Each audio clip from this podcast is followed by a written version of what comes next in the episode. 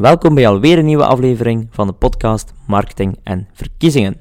Deze week hebben we het over een van mijn favoriete onderwerpen, personal branding. En we gaan dit specifiek toepassen in een politieke context is iets wat we heel regelmatig doen nu voor politici. Um, zeer belangrijk ook, in tijden van digitale communicatie moeten we echt focussen en daarbij is onze tool, het exposure statement, van een heel grote meerwaarde. Maar in deze podcast dus daar wat meer informatie over. Moesten jullie achteraf nog wat vragen hebben, wat extra tips willen, wat extra informatie willen, dan mogen jullie mij altijd contacteren. Dat kan ook voor een coaching sessie zijn, uiteraard. Dat kan via reinoud.exposure.be. Maar alvast heel veel inspiratie gewenst in deze podcast. Welkom iedereen bij deze nieuwe podcast.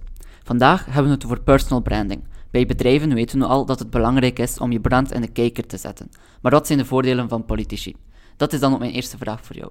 Ja, ik, ik wil er wel eigenlijk al een nuance bij maken. Uh, het klopt dat veel bedrijven enorm goed weten hoe belangrijk branding is voor het bedrijf. Maar er is wel een onderscheid met personal branding. Als we kijken naar Amerika en, eh, en Nederland, dan zien we inderdaad wel dat, um, ja, dat daar ook naast het bedrijfsmerk ook sterk wordt ingezet op het merk van de zaagvoerder of van het managementteam. En uh, nu zien we ook toch wel in, in Vlaanderen enkele heel mooie voorbeelden waarbij toch duidelijk aantonen dat het personal brand van een zaakvoerder heel sterk kan zijn, ook voor de media, gratis media bijvoorbeeld. Um, dus ja, ook in Vlaanderen is personal branding steeds belangrijker aan het worden in de bedrijfswereld. En natuurlijk, als iets in de bedrijfswereld goed werkt, op het gebied van marketing, dan krijgt dat vaak zijn kopie in de politieke wereld.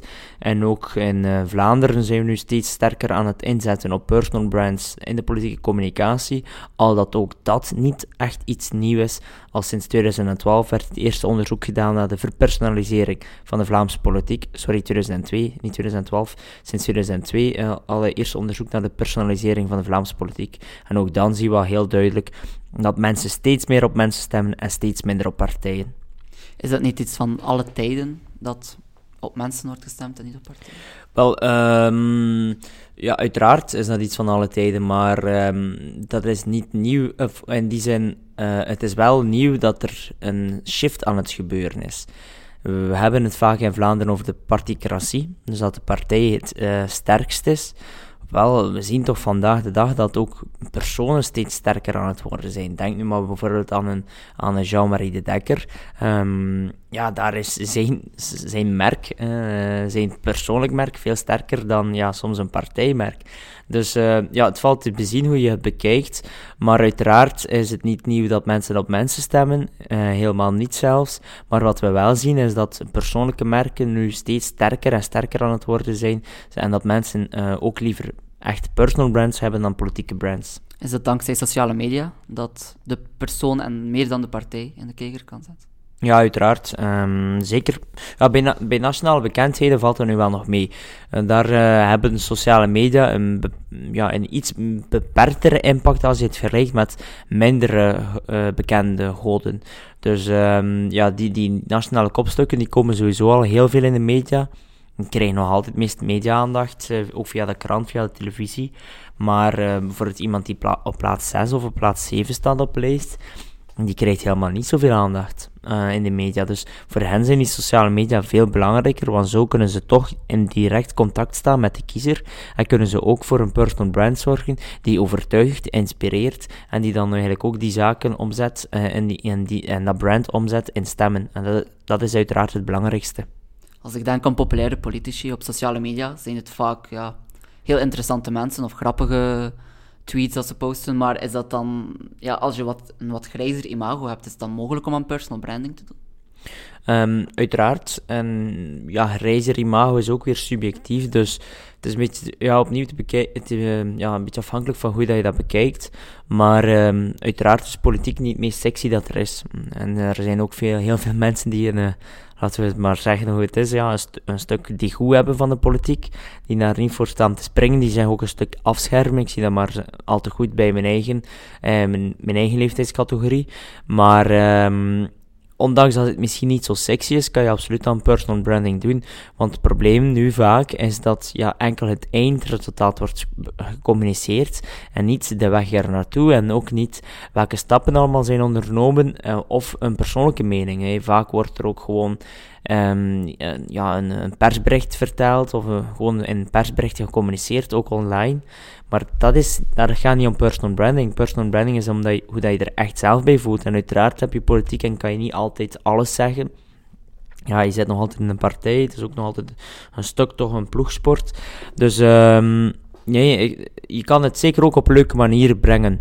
Uiteraard is dat evenwicht moeilijk, maar je kan het op leuke manieren brengen. En het moet heel belangrijk altijd passen binnen je persoonlijkheid. Als jij echt iemand bent die zeer um, hard focust op de dossier, zeer inhoudelijk uh, te werk gaat, niet de de grootste carnavalist bent, uh, om het even op flessen te trekken.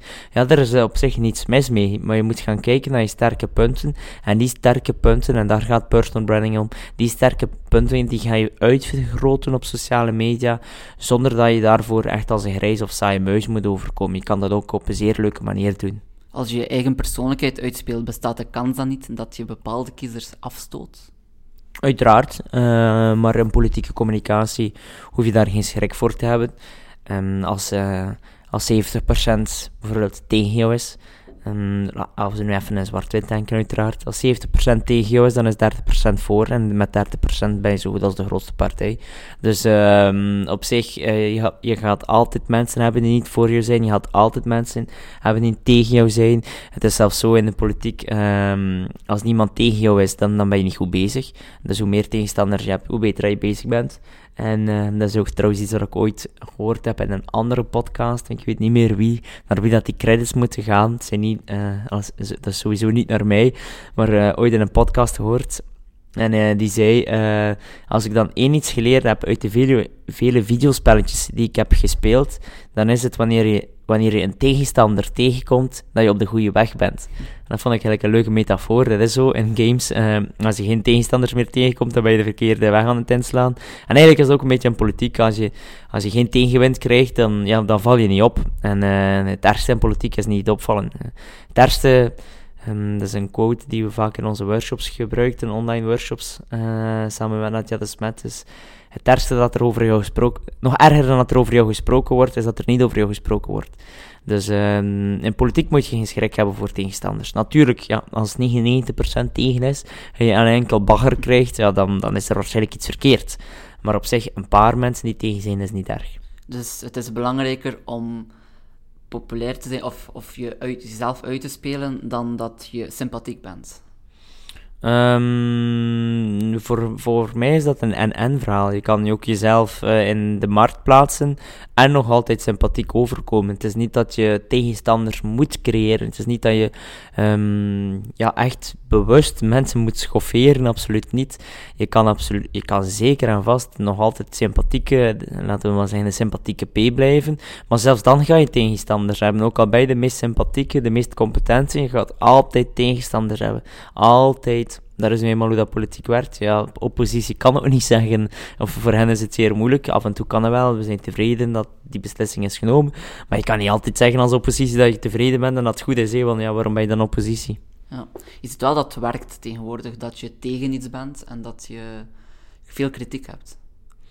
Um, bedoel je daarmee dat um, als mensen ja, negatief communiceren, dat ze daar vaak meeval mee krijgen? Of? Ja, ja, op, dat klopt wel op korte termijn, maar op lange termijn, uh, en, en in Vlaanderen uh, zeker nog anders, ja, dat, dat zou ik toch niet aanraden. Ik zou niet aanraden om enkel maar kritiek te geven, om enkel maar uh, negatieve feedback te geven. Ik zou echt wel aanraden om ja, bepaalde zaken aan te kaarten zoals ze zijn. Als je het er niet mee eens bent, dan zeg je dat gewoon. Maar je probeert wel altijd vanuit een positief verhaal te brengen. Dat duurt ook het langst. Mensen Niemand heeft graag klagers en zagers, of niemand, ik zal het anders zeggen, niemand is graag continu omringd door klagers en zagers. Dat is ook zo op sociale media. Als je enkel maar klaagt en enkel maar zaagt. En nooit een constructief voorstel doet, nooit iets positief communiceert, nooit iets, eh, eens iets leuk, iets, iets, iets luchtiger communiceert, ja, dan, dan gaan mensen je, zich afstoten van je berichten, gaan ze je berichten negeren en dan bereik je op de lange termijn eigenlijk ja, tegenovergestelde effect. Dus ik raad aan om, ja, akkoord, uh, kaartenzaken aan die niet correct zijn, waarvan jij denkt dat moet beter, maar probeer ook af en toe vanuit het positief verhaal te communiceren. Dat wil zeggen, kaart iets aan en doe je eigen voorstel, koppel daar iets positiefs aan. En denk je dat het um, nefast is om leugentjes toe te passen om je sociaal brand, social brand te versterken? Um, nee, dat zou ik nooit doen. Um, ja, marketing zit altijd een beetje in de grijze zone van wanneer overdrijf je, wanneer, um, ja, wanneer ben je correct, wanneer overdrijf je, of nog harder, wanneer lieg je. Maar sowieso liegen uh, nooit, uh, liegen nooit, heel belangrijk. Mm, zeker niet op sociale media, want je plaatst iets online en binnen de kortste keer, zeker als je een bekend persoon bent, er heeft wel altijd iemand een printscreen genomen. Mm. Dus uh, van zodra je een leugen bewust publiceert, ja, dan ben je een uh, vogel voor de kat, dan, dan, ja, dan, dan, ja, dan, dan, er, dan wordt het zeer moeilijk. Dus ik zou het niet aanraden, absoluut niet. Dus altijd zeer authentiek communiceren. Ja, er is uh, liegen en ja, er is nog een verschil tussen liegen en faken en authenticiteit. Dus als je bedoelt van, kijk, ik ga me proberen uh, dit brand uh, toe te eigenen, terwijl ik eigenlijk dat niet ben. Dus een beetje faken, ik zal het zo zeggen. Um, of ik daar uh, voorstander ben of een tegenstander van ben, daar is mijn, mijn antwoord ook zeer duidelijk op. ook niet doen, want mensen doorprikken dat, komt niet natuurlijk over. En ook voor jezelf als persoon is dat gewoon onmogelijk omdat je vandaag de dag een politicus of politica ben je 24 op, 24, 24 op 7. Um, dus ja, personal branding draait dat, kan, dat is niet even. Dat is niet even, dat is niet... Uh, um, ik ga even dat brand zijn en morgen dat brand. Nee, je bent dat continu. Dus als je dan zou faken, dan moet je eigenlijk continu een rolletje spelen, dan moet je continu acteren. En dat lukt gewoon niet. Dat is enorm lastig. Dat geeft energie, geeft geen energie, dat kost enkel energie. En binnen de kortste keren ben je dat beu en dan, ja, dan doe je meer kwaad dan goed. Dus faken absoluut ook niet goed. En uh, authenticiteit blijft de, de, de sleutel in, in het hele verhaal. Dat blijft het belangrijkste pijler. Maar natuurlijk, ja, authenticiteit moet je ook gaan kijken in een, strategisch, uh, strategische context. Dat wil zeggen, wij raden vaak aan om een exposure statement te maken. Dan natuurlijk focussen we op authenticiteit, persoonlijkheid, maar er is maar een derde van het exposure statement. Daarnaast moet je nog rekening houden met de context en moet je ook rekening houden met je doelen. Als de context bijvoorbeeld is dat iedereen oranje schoenen draagt, ja, dan mag je wel nog authentiek zijn met oranje schoenen, maar dan ga je niet opvallen. Dan moet je even kijken om een andere, iets anders te doen. Dus ja, daar moet je rekening mee houden. Authenticiteit is de belangrijkste pijler, maar er zijn nog enkele andere zaken waar je rekening mee moet houden op het gebied van personal branding. Uh, maar sowieso iets dat ik kan aanraden. En iets dat we heel vaak doen in onze workshops, is het maken van een exposure statement, want dat is de basis in personal branding. Is het dan niet problematisch voor politici die niet het niet de sterkste persoonlijkheid hebben, omdat ze dan nooit echt authentiek overkomen als een sterk personal brand in de markt willen zetten? Um, nee, op zich geloof ik daar niet in. Op zich, uh, iedereen heeft uh, kwaliteiten, iedereen heeft bepaalde zaken die hij of zij in de markt kan plaatsen. En, uh, maar je moet gewoon de juiste, de, juiste, ja, de juiste eigenschappen vinden. Um, en als persoon is dat zelf heel moeilijk. Waar ik raad soms ook aan om even om eens een Google-formulier te maken. Dat is gratis. Stuur dan aan wat mensen en vraag eens hoe ze jou zien.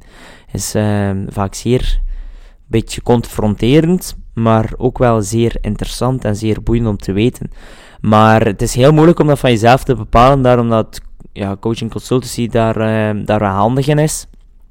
Maar uh, ja, nee, op zich uh, denk ik dat dat niet te maken heeft met persoonlijkheid. De ene is al iets extraverter, want iedereen heeft een sterke persoonlijkheid. Het gaat meer om extraversie. En de ene is inderdaad al wat extraverter dan de andere. Maar in politiek, ja, de meeste mensen in de politiek gaan zijn uiteraard al een beetje extraverter dan het gemiddelde. Maar um, stel je dat toch nog niet super op scoort, dan, moet je daar een stuk in begeleiden, dan moet je wat coaching in volgen, zonder arrogant te willen overkomen. Uh, zijn heeft niets te maken met arrogant, en dus dat is wel een moeilijke, moeilijke evenwichtsoefening. Maar ik geloof niet dat mensen die met een minder uitgesproken persoonlijkheid niet aan personal branding kunnen doen, integendeel. Dus het is mogelijk om dat te leren als politicus? Uiteraard, uiteraard. Um, hoe meer je leert, hoe meer je het leert, hoe meer je het onder knie krijgt, hoe natuurlijker en authentieker het overkomt. Kijk maar naar Obama. Obama, daar vonden we allemaal van, ja, dat is zo natuurlijk, met zoveel flair, zo sympathiek. Maar dat is gewoon coaching, coaching, coaching, coaching, training, training en training. Zo simpel is het. Dat is net hetzelfde als bij een PowerPoint-presentatie. Je PowerPoint-presentatie komt natuurlijk over wanneer, als je die rats van buiten kent, als je die van achteren naar voren kent, als je, die, als je daarmee kan spelen, dan komt dat weer natuurlijk over. Maar dat doe je enkel alleen door, door te trainen en door dat te herhalen en door dat te oefenen. En dan lukt dat. En dan komt dat weer authentiek over. Is dat iets waar jullie met exposure politici mee kunnen helpen? Ja, dat is iets wat we heel vaak doen. Um, zowel in een eenvoudige coaching sessie van drie uur, wat, zeer dan ook nog zeer betaalbaar is, zetten we eigenlijk um, ja, zo'n strategie op. We zetten zo'n exposure statement op, kijken dan ook hoe dat we dat concreet of hoe dan de politicus of politica dat concreet kan uitvoeren. Uitvoeren kunnen we eventueel ook uh, binnen exposure doen, maar het hoeft niet. Dus als zij een bureau hebben waarmee ze samenwerken, of een nichtje of een neefje die bepaalde dingen kan doen, dan is dat voor ons uiteraard geen probleem. Maar het is wel de basis, die strategische sessies. En we merken uh, zelf bij politici die al jaren in het vak zitten, die al meerdere verkiezingen hebben gedaan, die nu plots inzien welke, welke handige, een uh, sterke tool dit kan zijn. En ja, de meesten vinden het zeer spijtig dat ze dat pas zo later hebben uh, ja, aangewerkt hebben. Ja, en daarvoor kunnen ze waarschijnlijk ook terecht op je website. Uiteraard, Ja. ja, dat is denk ik een mooie afsluiter. Ik vond vooral dat je zeer authentiek moet zijn om... Um je personal brand in de markt te zetten. En een goede marketing ook uit, uiteraard belangrijk. We misschien niet genoeg benadrukt. Want uh, je kan wel een, een, sterk personal brand hebben, maar als het niemand weet, uh, ja. dan, dan, dan werkt het niet. Uh. Je, mag wel een zeer, je mag een zeer mooie winkel hebben met de beste producten, maar als niemand in je winkel komt, dan ga je niets verkopen en dan word je niet succesvol. Dat is ook zo in personal branding. Start vanuit de strategie, maar dan moet je ook nog op tactisch niveau en uitvoerend niveau sterk zijn. Ja, inderdaad. Dan rest mij enkel nog jou te bedanken voor je expertise. En tot de volgende podcast. Tot de volgende. Ciao, ciao. Hopelijk haalden jullie heel veel inspiratie uit deze podcast. Ik hoop dat je er echt mee aan de slag gaat. Maak dus een exposure statement. Je zal merken dat er een enorme meerwaarde is voor jouw campagne. Niet alleen voor politieke campagnes, maar ook voor de bedrijfswereld van grote meerwaarde. Maar opnieuw, moesten jullie daar coaching bij willen, dan mogen jullie mee contacteren via reinoud.exposure.be. Ik help jullie heel graag verder en tot de volgende podcast. Ciao, ciao.